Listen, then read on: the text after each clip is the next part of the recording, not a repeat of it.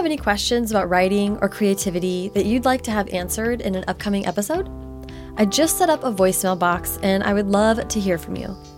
You can call and leave your questions at 801 533 1998, or you can always send your questions via email to firstdraftwithsarahenni at gmail.com. I would love to hear from you. Okay, now on with the show.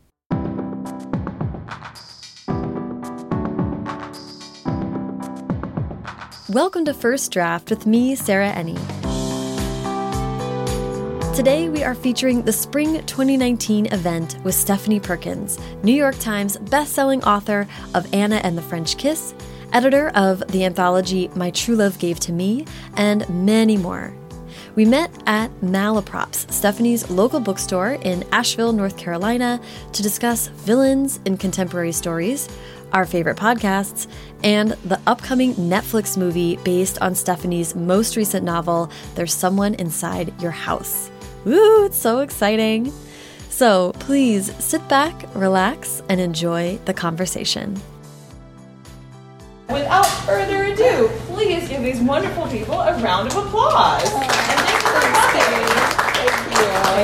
Yay! Awesome. How are you, Stephanie? I'm doing great, Sarah. Good. Um, yeah, I'm so excited to be in Asheville. Thank you guys for having me. Um, I can't wait to talk about books with you. I've been reading your books for a long time. Thanks. Can you all hear us okay out there? Jared, Yeah, you can I'll- adjust. Awesome. It's my husband. This is better. Amazing. So, Sarah, this is very exciting. Sarah and I are just getting to know each other this week, but we've known each other for many, many years. Yeah. Um, we do a lot of festivals together, and Mm. Sarah's been coming.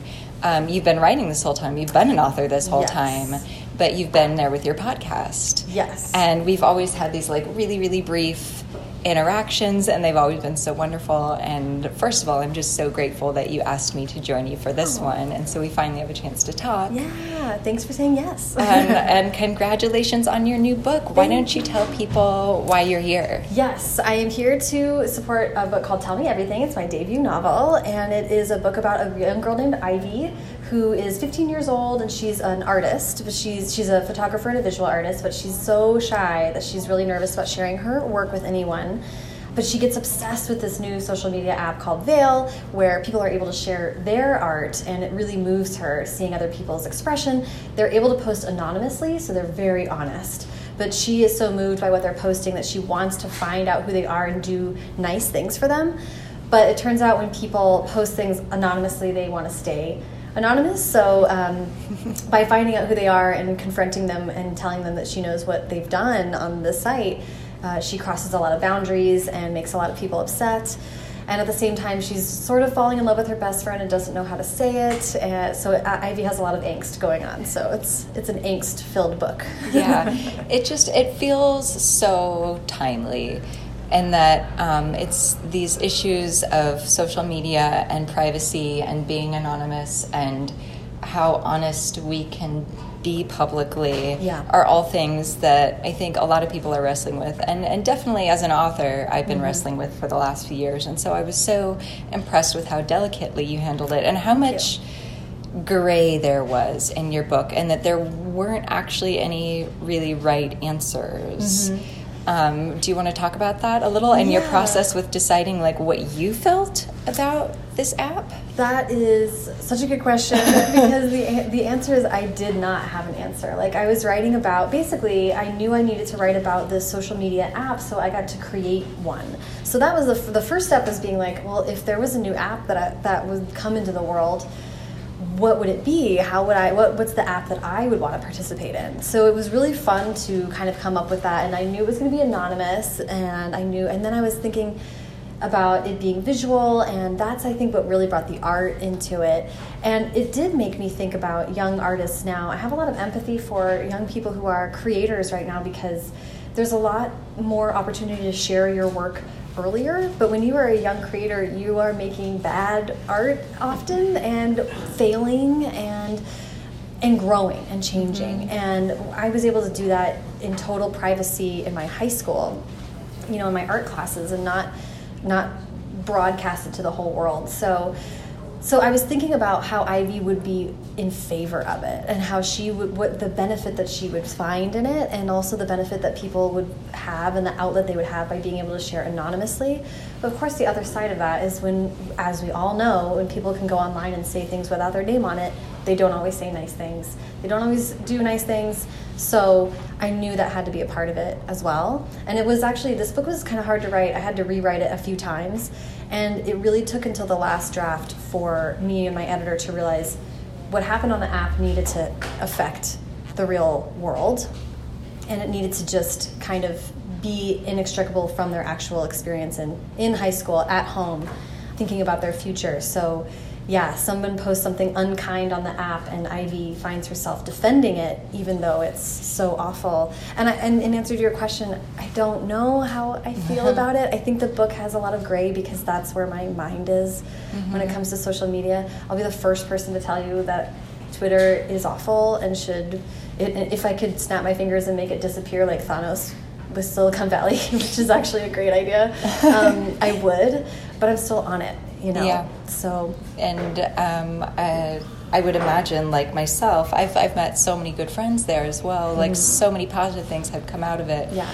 That it's hard to turn your back on it when. Yeah or it's it's it's impossible to forget the good that it's done too. Yes, Twitter totally changed my life. The first time that we met, or the first time I was in Asheville, I was also interviewing um, like Beth Revis and Meagan Spooner and Megan Shepherd for uh, who were local authors. I was interviewing them for First Draft, and I only was able to know them or reach out to them through Twitter. And I moved to Los Angeles because I knew people on Twitter who lived there, and they became my real life friends. So mm -hmm. it's so Twitter has made my life what it is and it's also like dismantling other people's lives and mm-hmm. we kind of have to grapple with the fact that there those things are both true at the same time. Yeah. Which is really hard. I mean ivy i think at some points throughout the book realizes that she's twisting her own brain into knots trying to defend what's a really special thing to her. Mm-hmm. and another thing that i really love about your approach to it is that um, there's a creator in the book the person who made the app and it's the, it's a lot less gray with this person. Yes, and he yes. has an amazing name that I would like you to explain. the the villain the villain of the story is a man named Rake Burmkezerg. um, he created the app Veil, and that is an anagram of Mark Zuckerberg. Um, a, a, few friends of mine were at a writing retreat, and I knew I had to come up with this guy's name, and mm-hmm. so we mm-hmm. spent a very hilarious 30 minutes coming up with every possible name you could make out of Mark Zuckerberg, and Rake Burmkezerg was the best for sure. it made me laugh so hard. I'm so glad. It's so glad. I, have it's been my joy whenever people haven't realized that it's an anagram. Yeah, their faces light up like, oh man. Um, it's such a good dig. I, I, I had a lot of fun writing him, and mm-hmm. I and I want to talk to you about this too because it, it was an interesting thing in the in the third rewrite of the book, the one that stuck. I was like, you know what this book needs is a villain. And it, and it didn't have a villain because it was because Ivy and her friends needed to be awash in kind of the gray areas of it. And I was like, there's not one thing that everyone in the story can agree stinks. Um, and so Rake Burmkezerg was born, um, and he and I got the chance as a writer to really explore my feelings about the people who have created the systems that are in charge of so much of our lives now, like Larry Ellison and Mark Zuckerberg and at Jack, who I don't even know his whole name, creeping around in the background, being the founder of Twitter, and and these people that are that moderate our lives and that we have so little access to, and almost no accountability is being they're not being held to account on almost any level. So I had a lot of thoughts about that I wrote this. I start. I signed the contract for this book in May 2016.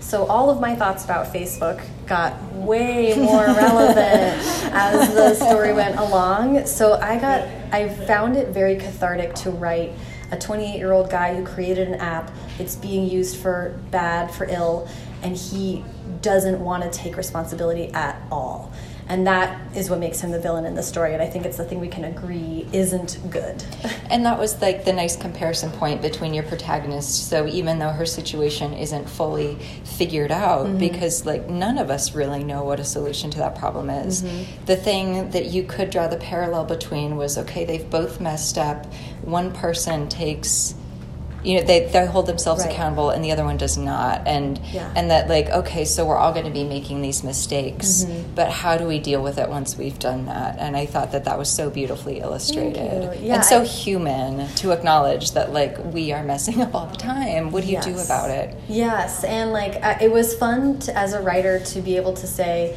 let me write a really good apology and let me write a really bad apology. and like it's sort of like a what not to do Yeah. for an apology, which as you can imagine, Reek Berm wasn't really ready to own up to his mistakes. um, but I actually I would love to ask you about about villains in contemporary stories. Um, if you want to just like explain, um, there's someone inside your house really quick and talk about.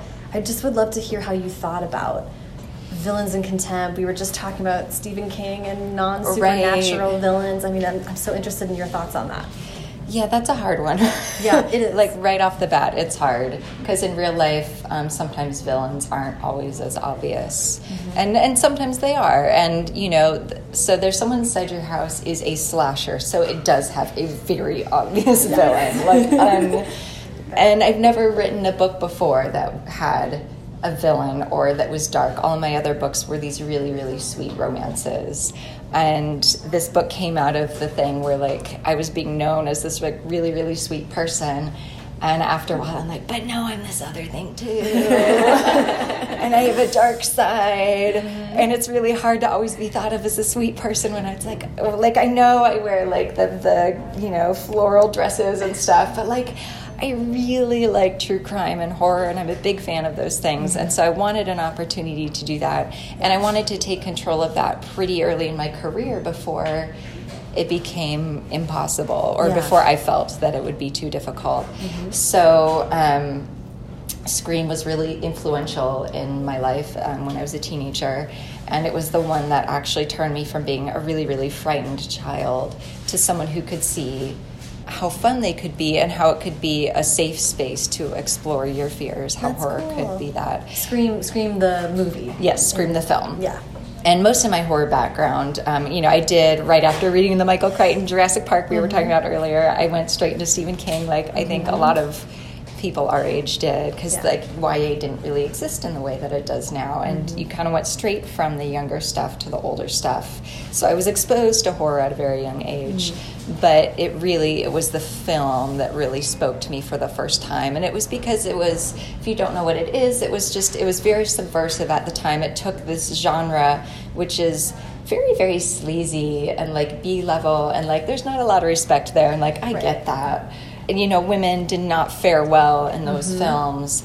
And then it flipped that on its head and it gave all the power back to women in that situation and it let them succeed. And then as the series progressed, it was about how do you survive an incident like that. And so I loved that it was doing more things. Mm-hmm. And so this was my attempt at, at something like that in book form.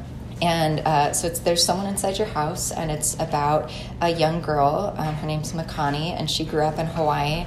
And something has happened that has made her need to leave. And now she's living with her grandmother in the middle of nowhere, Nebraska, in the middle of all the cornfields. And she's not a happy camper.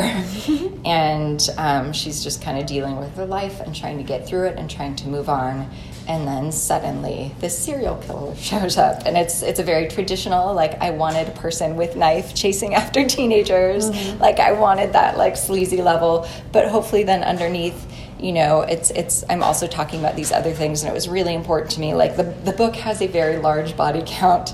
But it was really important to me that everyone like it's really clear when you're reading the book when someone's about to die because i put it in their voice and it was important to me that they're a person before they're gone and they're and that we learn that they're complicated. Yeah. and that they had aspirations.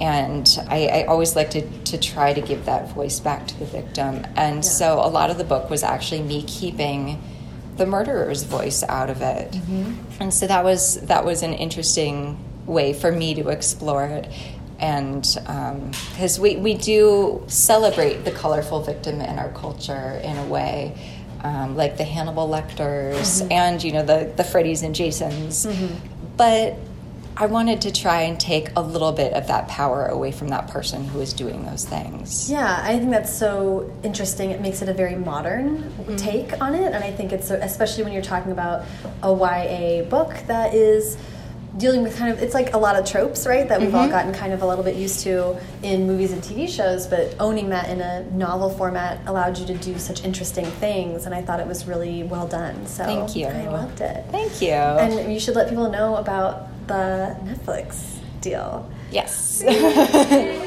so Netflix bought it um, about a year ago, and I got a script like a week or two ago, and it's phenomenal. Like, usually an author gets a script, and it's actually like while it's very exciting on the surface, it's also kind of ooky. I always describe it. It's like someone has tried on your underpants and is walking around. They take this like very deeply personal thing that you mm-hmm. spend a lot of time on and know so intimately, and it's like yours in really specific ways, and then you have to go see like how someone interpreted that. Yeah. it's really uncomfortable. Like it was terrifying opening that document. Yeah. and guys, it's better than my book. I love my book, but I love what the screenwriter did. His name is Henry Gayden, and he's also the screenwriter of the new Shazam film that's about to come oh, out. Oh, which looks super funny Right? and yeah and he's going to do the next film with the Into the Spider Verse people. He was hired to do their next film. Oh my God. He's incredibly talented, Love and he took all of my characters and my setting, and then he just he made it even more modern. And and as of right now, it's it's funny how even in the few years since I wrote it, um, there there is this social media thing in my story as well, this undercurrent of it not being a really positive thing.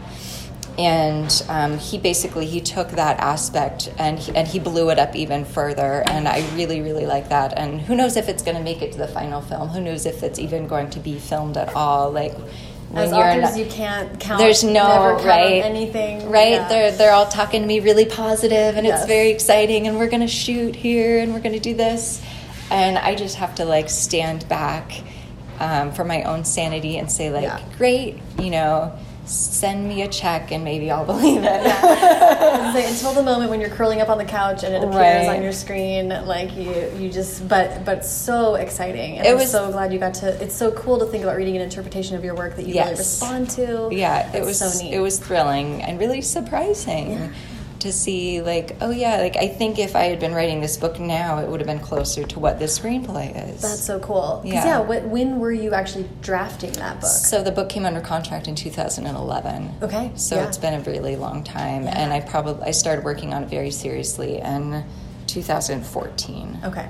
Yeah. So it's a and long every journey. year is a decade now when it comes to social media. So, Yeah. yeah. That was actually, I would say, the funny thing about writing a book that was so about social media was it, it actually freed me up to just reference pop culture. I was like, this is going to be so of the moment. There is no way that in five years this ages well at all in some respects, right? So I was like, great, we're going to talk about Jeff Goldblum. We're going to talk about all the things that I think are funny. Just like the way Ivy talks is kind of the way that I talk. I reference movies and TV and and make meme type of references mm-hmm. and structure my sentences that way. So I was like, great, I can just let Ivy be a, a right now current moment teen person Yeah. and not have to worry about how is this going to read in five years like Right. it's just a book that's meant to represent this moment Yeah, and that's so much fun. Yeah. Like, what a joy to get to just unleash that because as a contemporary writer, we are always faced with those questions of how much of right now do we include Mm-hmm. Yeah. because it is a thing that dates a book so quickly Yes. like i remember writing my first novel which is uh, it's called anna and the french kiss and um, a character you know there's a scene where a character is dealing with his phone Mm-hmm. and when i first wrote it he flips his phone open Funny. by the time I got to copy edits, like within writing the same book, phones already were not flip anymore. Yep. And Yep. so it's those little details that I've learned. Um, I caught it in time. It never went to production, thank goodness. But it is those things that I think about so carefully now. Like, I like not naming specific technology, Mm-hmm. and you know, like when it comes to phones, I don't describe how they're using it. Yeah, um, right. Stuff like that because I don't know what what's coming. yeah yeah And it's, And- una- it's unavoidable to an extent, but it is really a thing that I am. Are you? Do you think about it as often as I do? I I think about it, but I think actually having this be my debut book mm-hmm. and having this sort of shove me into the deep end a little bit, like just live for the now. Um, I think it's impacting how I'm writing my follow up book because I'm very much um, I think what I liked most about this book ended up being the voice and just that type of writing, and it's a little bit like ba ba ba ba ba, and I was like, well, let's just keep the ball rolling, like let's do it. And the next book reference, it's less social media, but it's like documentaries and things that we're interested in in this moment, and it's just it's there's no way. I'm not trying to write a timeless thing, and mm -hmm. I think the mm-hmm. more specific you get the more odds you actually have of it being a timeless thing. I mean, never forget sure. in Judy Blume's books, we talk about belted female undergarments or whatever. I mean, like Judy Blume is dated, but no one's going to say that that's not timeless, you know? Right. So I'm not, I'm, by the way, not calling myself Judy Blume, just to make that very clear. But like, I think there's a truism that the more specific you get, the actually, actually kind of the more universal it ends up feeling. So I think that's mm -hmm. going to be my guiding principle for it. But I love that. Yeah, hopefully. So I have a question for you okay. that fascinates me. so I listened to Sarah's podcast, and um, recently one of her friends interviewed her for it. Yes. And in it, she disclosed something that I've never, ever, ever, ever heard another writer of young adult fiction say, ever. Sarah had a good high school experience. Do you want to explain yourself? I I know it's like a, it's why a, are you even writing this if you had a good experience? it's such a funny part of me. Uh, part of me knows also that my tendency is to like be an optimist and not to look backward. And whenever I'm forced to look backward, I'm like, it was fine, everything was great. And you know, then friends who are in my life would be like, no, it wasn't. it was a hard time. But I I think high school so high school had ups and downs like everybody else's experience but i had the opportunity the good fortune to have a advisor my sophomore year of high school who really connected with me and said listen i think you can achieve so much if you sort of let your guard down and really allow yourself to care about what you're doing and, and he could just see that I, I, I would describe myself as having like untapped potential as like a ninth grader. I was really hiding behind a lot of insecurity and sarcasm and all that stuff. And he was like, you know, if you just let go of that, you'd have a lot more energy to do things that really matter. And I took his advice, which is like not easy to do, and you can you never know when the advice is going to hit you in the right way. And that it, but it, I responded to it and I really like threw myself into a lot of stuff with school. I'm also incredibly fortunate that I went to a school that's not unlike the school described in Tell Me Everything. We didn't have lockers. Our classrooms opened right to the outside. Um, seagulls were the biggest problem that we had to worry about at lunch because they would poop on you. Um, I did like that that detail made it into your book. Yes, because it was like a massive thing you had to worry about. You're like watching the whole time. But I never, when people call the cafeteria the calf, it took me so many years to figure out what that meant because I never ever went inside the cafeteria. I was eating on the steps outside the whole time. Uh -huh. And so, and in my high school, football didn't matter. They weren't allowed to play on Friday night because uh, we weren't allowed to have the lights on. The lacrosse team was the really big deal. I played field hockey, and that was like a bigger deal. And oh, the biggest deal was speech and debate. The speech and debate program at my high school went to nationals every year, and they always came home with first place, and they were like, it was like the Rose Bowl day parade when they came back. So my high school was so topsy turvy in some ways mm -hmm. that I saw people being rewarded for caring deeply about things that were less, whatever, stereotypical, I guess. Um, so it felt like a great place to grow up and to and to assert what I cared about, which was books and writing and being a creative person. And so I was really fortunate to have that experience, and I actually still really like a lot of the people that I went to high school with. Middle school was terrible, and college ended up being really rough. I loved college a lot, but the people I met in college, I ended up not like having a big fight with. So, so I think I made up for it in some other ways. It. But I don't. I think that when I look back on on high school, I remember a lot of moments of really understanding myself as a person um, I think you and I are similar. Like in eighth grade, I realized um, Rushmore was my favorite movie, Radiohead yes. was my favorite band, And there's one other It's thing. my favorite movie, my favorite band. Yeah, because we're correct, Right. Uh, and like I just was like I became more of that person in that time, and Yeah. I still I think go back to that person to check in, to be like, are we still like still in touch with that? Okay, yeah, yeah, yeah, that's good. So I think that's where my pull to this genre came from, um, but it is an unusual. Yeah. So um, you were a journalist for many years, and you still are. This podcast Yeah. is journalism, quite obviously. Thank you. um, when when did you start gravitating toward that? Where was your interest? Were you on the school paper? I did yearbook.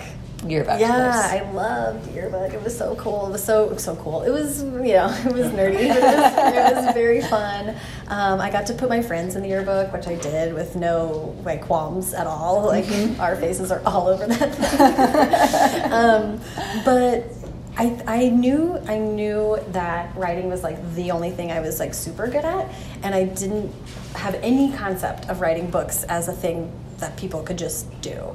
Um, so I never thought about write, creative writing as a job at all. Um, so I went to college and was very. I started English right away, and then I got up the nerve to apply to the journalism program and got in, thankfully. And I, I think you and I are the same. Like I think we listen to a lot of the same podcasts, and, and, and I care deeply about journalism still.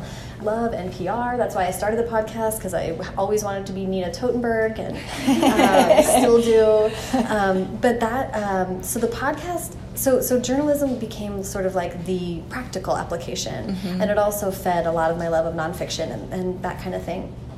And then I really didn't like the journalism jobs I got. They were um, wonderful, but and they paid the bills, but they weren't what I wanted to do really. And when I got the chance to sort of explore podcasting, it made me realize like this is the kind of journalism I really like. That in depth, like uh, fresh air type of thing. And so this is kind of giving me the chance to like. I started this kind of play acting, and now it's kind of like, oh yeah, this is like what I do. Yeah, So- it's it's fantastic, and you do it so well. Thank you so much. I know you're a big podcast fan. I am. I feel like we should give a couple recommendations. Oh, you you first. Well, if you I'm always gonna throw it to the other person. and that's very fair. Because if you guys like young adult books, you should check out First Draft. Um, a lot of people uh, that you've probably read are on it. I also love um, How Did This Get Made? I think you and I both like that, which is where they watch. Um, they on purpose watch bad movies and then talk mm-hmm. about them. The thing that I love about How Did This Get Made is it's not as mean spirited as it sounds. No. They actually are tremendous fans of these films and are celebrating them, and so there's a lot of joy in it. and they're they are professional writers as well mm-hmm. and um, and people who make movies so i love when they start going what's a better version of this like Yeah. how would i change this as a it kind of gets my writing brain going a lot of the mm-hmm. time and then for that i also love welcome to night vale the pitch for it is a town where every conspiracy theory is true like it's like an npr show in a town where every conspiracy theory is true and for some reason that show just when i listen to it i, I almost have to like get to a computer and just start writing right away. It just gets the gears turning in that part of my brain. Yeah, so I'm one of those people who, you know, I mentioned earlier, I really love true crime. So that's where I'm at. And podcasts are just crushing it in that way. And they're doing really amazing investigative journalism. And um, real things are happening. Like um, Bob Ruff's Truth and Justice podcast just got someone out of prison, someone who was not one of these names that we know. So I, I love what they're doing and how they're bringing voices to victims and families. And again, it's that idea of giving it back to the people whose lives these are really affecting. And and I also love um, the really popular kind of silly one too, My Favorite Murder. And it's another one where I feel like the name, you know, should be explained to anyone who hasn't listen to it because it's another name that feels a little flippant. And it is, of course. Um, it's um, a true crime podcast by these two very, very funny comedians. But more than being about crime, it's about their anxiety. Yeah, yeah. and how you know they're so interested in these topics because you know as as women many of us are afraid of these things happening to us and so it's their way of exploring these and again giving a voice to to the people that this is happening to mm-hmm. and they're they're dealing with it with humor because that's mm-hmm. the medium they're coming through but it's always with so much empathy and compassion and i think that's why it's blown up and it's as big as it is yeah. because it's it is this big celebration of empathy and like working through your anxieties mm-hmm. and um, and so I, I really love that one i was fortunate enough they have a, a book coming out in two months called Stay Sexy and Don't Get Murdered. and um, I got to read it, and it's so good. That's awesome. It is so, so, so, so good. and it's another, more than being about crime, again, it's about. Um, growing up as anxious people and how they've dealt with it and how they've kind of grown up and out of that and um, as someone who is very, very anxious herself, and that's the reason why I'm also drawn to those stories. Mm-hmm. Like in a way, it's like looking for reasons, like like clues, mining these stories for how do I stay safe and protect myself. Um, and so there's there's a lot of that, and they're mm-hmm. exploring that idea as well. Yeah, important. Right. it's inevitable to have a podcast sidebar in every one of my events. That's my favorite every, topic. Everyone. I, I, love them so much, and I'm I was so really excited that you came to town so we could talk about yeah. them because it's a thing that like I love so much that I could never do what you do because I would be afraid that I would lose that love. Like, oh, and yes. we talked about that earlier today. Yes. I asked you do you still love doing this? Yeah, and I and that's that's such a good point because it is like I actually was talking to, to friends about this recently. Like, it's really we live in a, in a kind of a tough moment because it's hard to have hobbies right now. Um, there's a, it's because like as a general cultural thing, we're always like my mom likes to crochet hats. Mm -hmm. She's like crochets excellent, excellent hats. And they're the only hats I wear. And I was like, you know, mom, you should have an Etsy shop. And then I caught myself and was like, don't do that. just crochet. Just watch Angel and crochet. You know, like you do you, Julie. Um, and like, but there's so much of a like you should be doing what you like to do for money, and mm-hmm. that I'm here to be the. I'm like really trying to fight my instinct to do that. However, I did love podcasts and turn that into something that I do now consistently all the time. It's not for money. Um, it's definitely a labor of love, but I have found, I mean, I've met so many people, I've had so many enriching conversations. Um, it's given me so many, like, when people come up and tell me that they've, that they listen to my podcast, it's it's so funny because I'm like, oh, we've had conversations then. Like there's some shorthand that can be had there, which is so cool and weird and interesting. And I am really like interested in exploring other ways that podcasts can be a part of my life or I can help other people with their podcasts, which I was just emailing two authors today who were interested in starting one. And I was like, yes, I'm here to like, I'll, I'll go out to Panda Express with you and tell you everything I know. so I've had a really good time with it. And I feel like it's probably only a matter of time until I make one of my characters a podcast mm -hmm. or in some way, shape, or form. But yeah, I think you would be great at a podcast, by the way. Well, that's very kind of you to say. um, I think I'm just going to keep listening to them. fair. That's also fair. I'm being better about not trying to push people so much. oh, I love it. I love it. I'm so glad that you are. And so, usually at the end of your podcast, you have people give advice, but I think right now would be a really good moment for you to give advice specifically to anyone in the audience here or listening at home. Mm-hmm. What is your advice to someone who wants to start a podcast? What is your yes. first piece of advice for them? Yeah, you know, that's um, awesome. Actually, I don't even know if I've talked about this on the show before. Um, if you want to start a podcast, first of all, you should because uh, they're great. But it's, uh, I would say you really need to. This used to be back in the day when we were first connecting online. Like it was, everybody had a blog, so there was so much advice about about starting a blog, and a lot of the same advice applies. Honestly, what do you want to say? How do you want to say it? What's your point of view? If you love talking about true crime, that would probably be something that you'll have an unending interest in.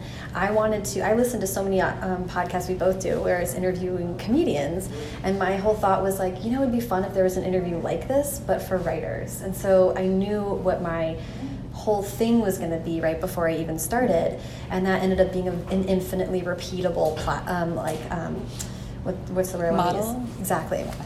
So every episode is a long form in, um, interview and conversation with a storyteller you can do that forever and ever, guys. It's great. So I would say you want to know what you care about, why, have a and then set reasonable expectations for how often you can do it you don't have to have fancy equipment. You don't have to spend. You don't have to look like you're signing an NBA contract. um, you can do it on your laptop, and and a quick Google will get you like where you want to do your RSS feed or all that boring stuff that I had to figure out. But ultimately, if you can sit in front of your computer and come up with something, you can do it. But if you want to, if you're going to do it every week, you better do it every week. If you're going to do it once a month, do it. You better do it once a month. And consistency is really the thing that makes you grow and makes your audience grow, I would say. Did you think that consistency with your podcast helped you be consistent in your writing? Mm-hmm. Like promise keeping to yourself, es- yes. essentially. You know what it really did was it made me okay with things being undone. Oh. Because um, ultimately I was like, well, it's Tuesday something's got to go up, you know, like something's got to be there for people to listen to, and they don't really care if the second half of the interview isn't as acutely edited as I would prefer it to be. They just care that it's there. Mm-hmm. And that has totally transferred over to my writing. Like, I actually, at one of the mini drafts I sent my editor, I kind of had this like total light bulb moment where I was like, oh, you know what? I don't know how to write this chapter, and that needs to be what's here. So I put brackets. I don't know how to write this chapter, and I sent it to my editor, and I was like, this is this is where I can say I needed you to see something, and we'll together we'll make it right. But even then, doing past pages, getting the chance to look at my book for the very last time was like, okay, and there you go. Like just, something needs to go into the world, and that it's not perfect, but it is what it is. So I think doing the podcast every week really got me in ha habits, consistency, and being okay with just having something being done and walking away from it after that. That's so neat. And that's something that I've heard other journalists say as well. People who started in that field, people like Rainbow Rowell, yeah. who um, worked for the paper in Omaha for many mm-hmm. years, um, some film critics I know who are friends mm-hmm. of mine. And like that really taught them, like having to have a deadline yes. with no exceptions, like it has to be turned in by that yes. time, really was a skill that they were able to take into their writing career later. And being a journalist is like having a weekly deadline is like, it can sort of throw you into an existential twister, right? You're like, but ev- but Tuesday comes every Tuesday. How on earth can I like? It's like ad infinity, you know. um, and that's true. And yeah. you just have to like have this blind faith, like I'll get it done. Like I used to be the only person writing a radioactive waste newsletter, and that came out every Friday. And I was like, "What the heck is good? This stuff lasts for billions of years. Like, what's going to be new by Friday?" Um, but there was always something, and it always went out. So it was like a lot of of being like, "Here we go. Put the pedal to the metal and just figure it out." Which I think is a skill that I'm really happy to have gained early on in my life. Yeah. Um, so we both write contemporary. Yes. And and you've written contemporary books before this one too. Yeah. You've been writing contemporary for a long time. Mm-hmm. And I write contemporary. And we both have this funny little thing about ourselves that we both actually wish we were writing fantasy. It's Why true. aren't you writing fantasy? Oh, what a good question. um, I think that I love fantasy books so much. They were they were totally the first things I read. They were I'm obsessed with fantasy books. My mom grew up reading them. It's like my whole reading life was majority that. And and my very first book, I think often when people write their first book, it's like this enormous, like, you know, either they go too big or too small, and mine went way too big. And so I think that taught me that I needed to, I needed to kind of get discrete skills. Not that writing a contemporary novel is any, like, it is as difficult and as admirable as writing any other book. But for me, I think I really needed to focus on character, on on conflicts that had to do with relationships uh, before I got Talking Dragons involved. But hopefully one day there will be Talking Dragons. I'm, I'm so hopeful. So I think that was kind of why. I think mm -hmm. I'm, I'm ready, waiting for myself to become a good enough writer mm -hmm. to approach this genre that I have so much respect for. How about you?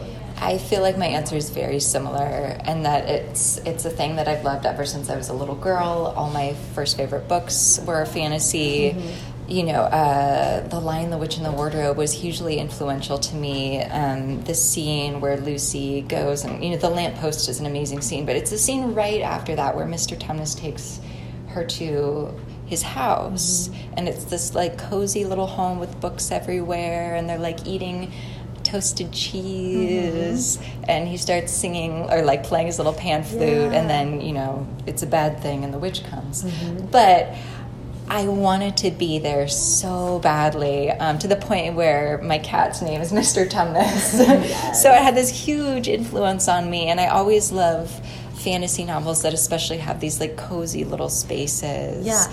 And and I love that so much about fantasy is about setting and place mm-hmm. and going somewhere like new and exciting and a little brighter and more interesting than real life. Yeah. And a lot of the skills that I think make a good fantasy writer, I feel like I don't quite have those skills yet.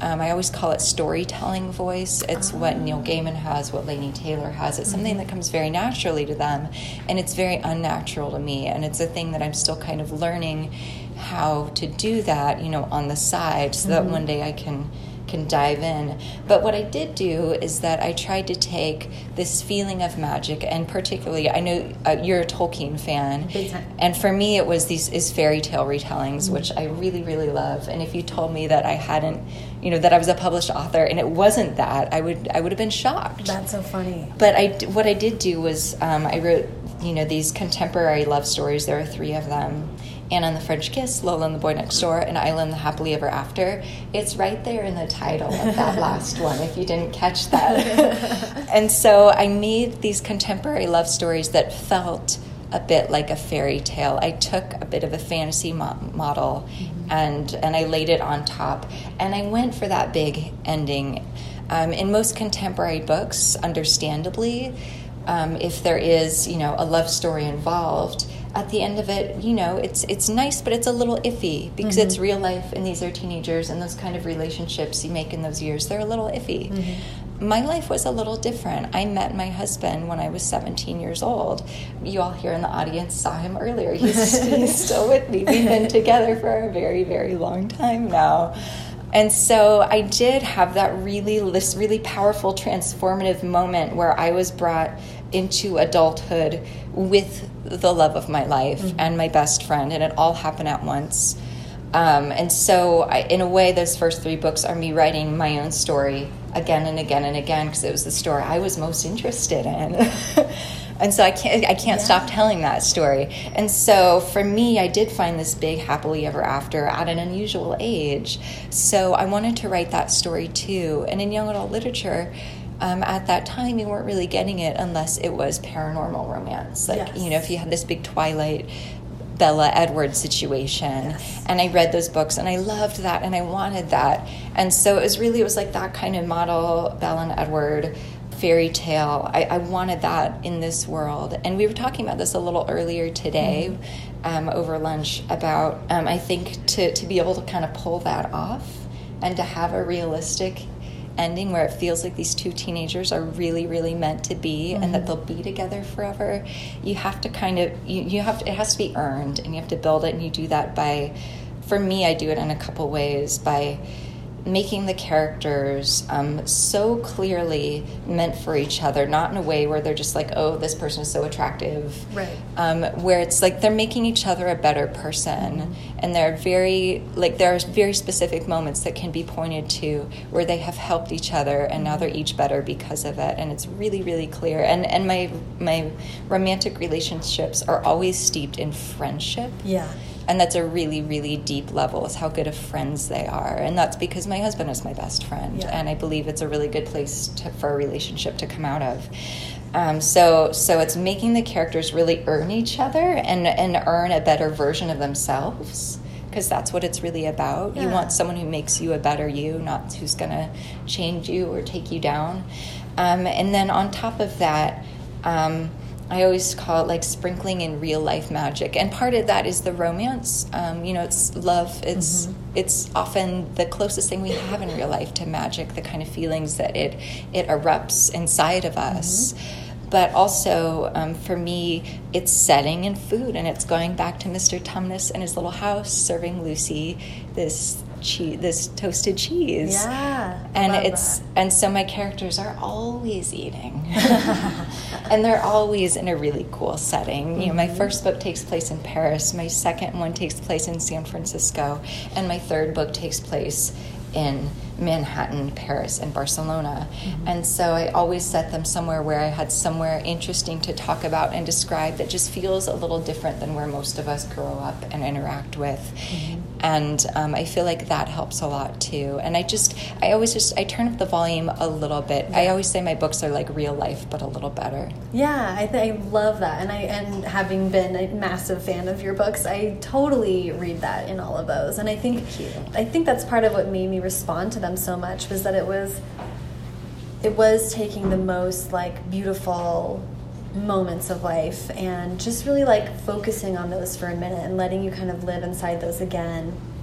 And i think that's definitely what i aim to do in contemporary books. Like you have these moments where you're like you and all of your friends are together and you're out late and you're having a bonfire and the stars are out and you just are like in love with the whole world those are moments that I really recall so vividly from high school, and those are the things that I'm like, you can write to those moments. Mm -hmm. Like I mm-hmm. want to have a somebody have an emotional response to my book because it just brings them back to like when the world was opening up for you in this new way and I want to remember that. You know? Right. I was just think, I was just thinking that it's really important to remind ourselves and er, to remind readers that there are like really wonderful, good moments in our lives as well, and you you don't have to go to those fantasy worlds. Yes. And you have to be conscious of to look for them. Yeah. But they're there. Yeah, I love that. Yeah. And I think I, I in Tell Me Everything there is some sort of like things I was going for that are a little bit like that. There's uh, and and things that were just made it fun for me, made the world more interesting to me. Um,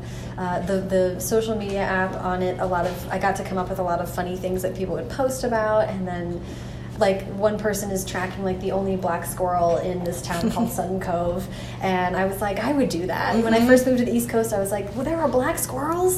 this is amazing. They're, they're supposed to be fawn colored. Who knew?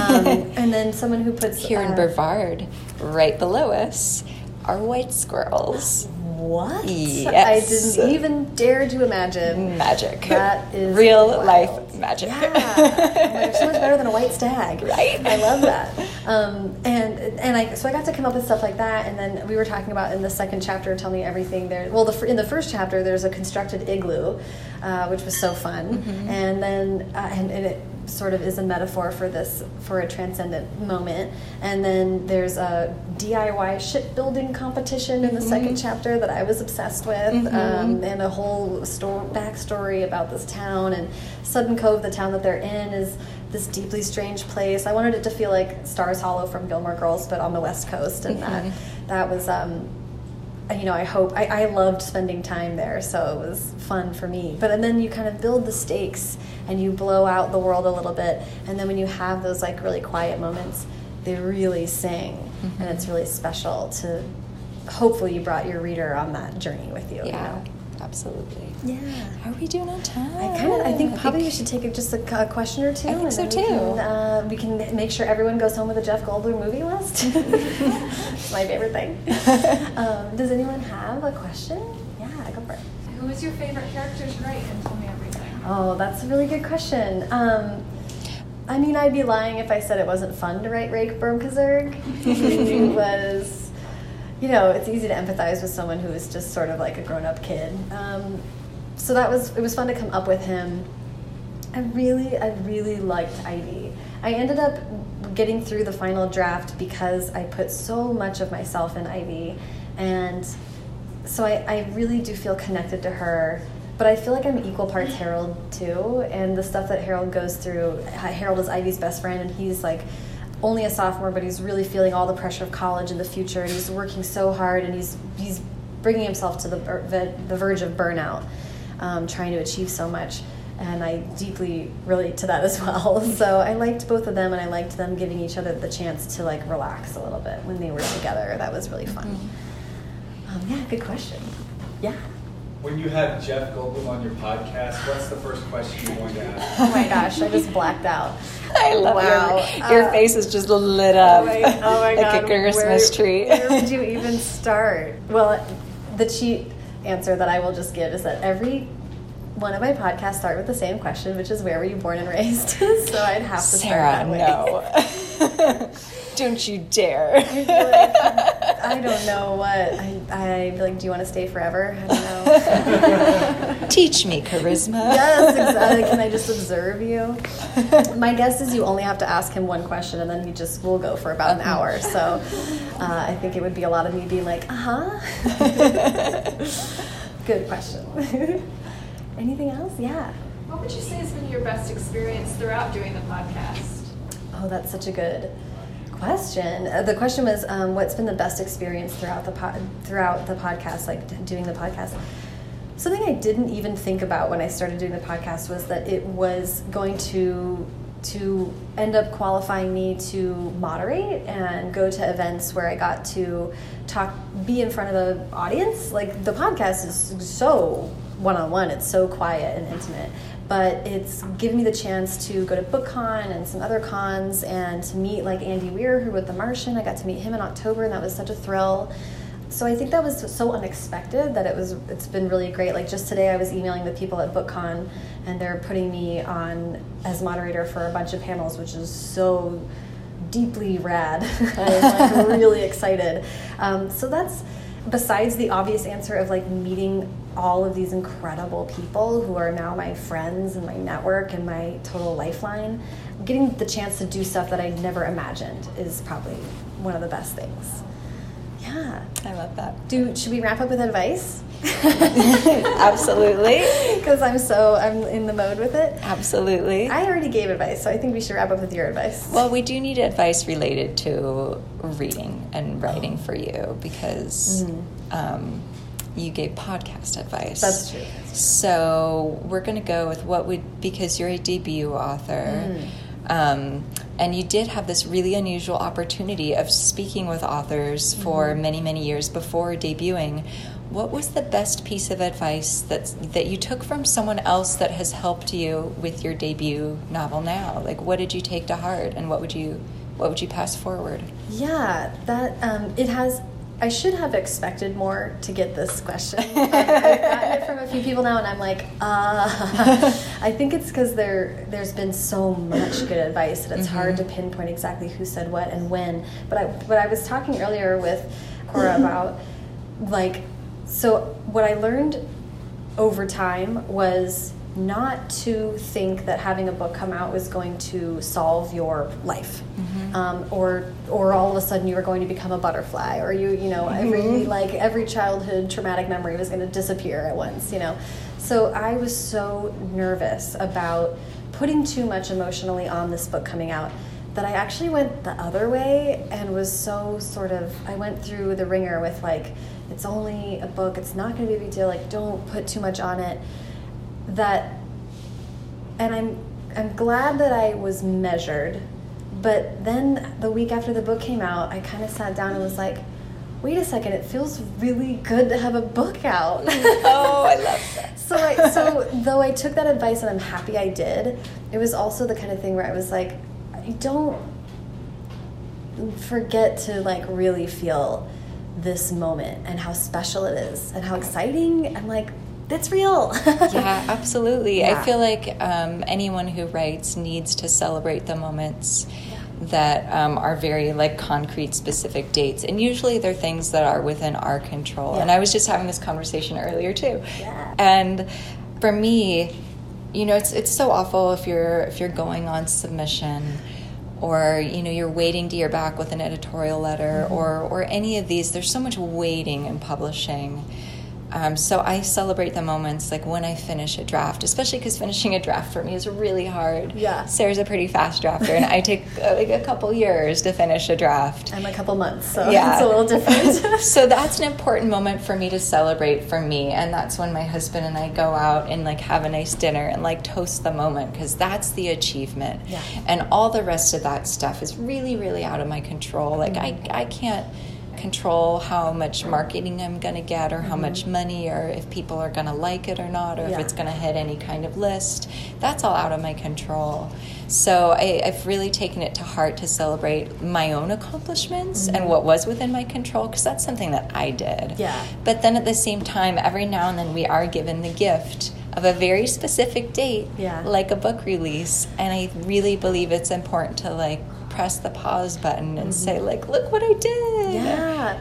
And like Um, be uh, proud of yourself. Be super proud. I also I went to I live in Los Angeles. That's important to know for the story. And so a bunch of friends took me out to like a champagne lunch, and Maya Rudolph walked past me, and I was like, Yes. I've been blessed. like that was the moment. That was it. Uh, and I still feel that today. so yeah, those, I was like, I can like take a moment to be like, I saw Maya Rudolph, and I had champagne. This was a good day. yes. Oh, I love that. Yeah. What a gift. Yeah. Do you have writing advice to give right now? Yeah, so um, I'll, I'll give the piece that I always give, and then I'll give one that's a little more personal. And the one that I think is the most important and the most universal is that this the thing that really changed me as a writer and turned me into a writer was when I learned how to read a book differently, and when I wasn't reading it just for funsies, but when I was reading it to study what was happening. And I was really lucky that um, I studied writing in college, and most of those writing classes are shockingly about writing. But one of them was about reading. And it was kind of like a book club. The professor basically picked things that were on her personal reading list, like the books she hadn't gotten to yet. and that's what we read as a class. And we kept a notebook. And the notebook was so that as we read, we could write down any reactions that we were having as we were reading. So if something made us laugh, if something um, was surprising, if something was romantic, like any time that you felt yourself having a reaction, we were instructed to write it down and explore that a little bit. And that was the life changing class for me. And it was also when that idea really clicked into place that, like, you know, Charles Dickens and Jane Austen, they didn't go to writing school. They went to reading school, essentially. They were reading these books, and that's how they learned how to write. And that's how anyone could really learn how to write. And so, um, as a child, I was always a really, really fast reader. And now, as an adult, I'm a very, very, very slow reader. but it's because that's where I'm learning. It's um, so that's that's the really important one that I give to everyone. And then the really personal one is that if you happen to be a very sensitive, anxious type, like I am, it's to give yourself a lot of grace and forgiveness. And I didn't, I was not good at that for many years. Mm-hmm. And things were kind of blowing up and they all felt very out of control. Like going back to the celebrating things within your control, mm-hmm. there are all of those, those elements that are out of our control. And um, for me, being new in this field, you know, and it, it's not coming with this playbook, mm-hmm. that was very overwhelming to me and um, and I started getting really down on myself, and this this comparison began, game began, where you know I'm thinking about what other authors.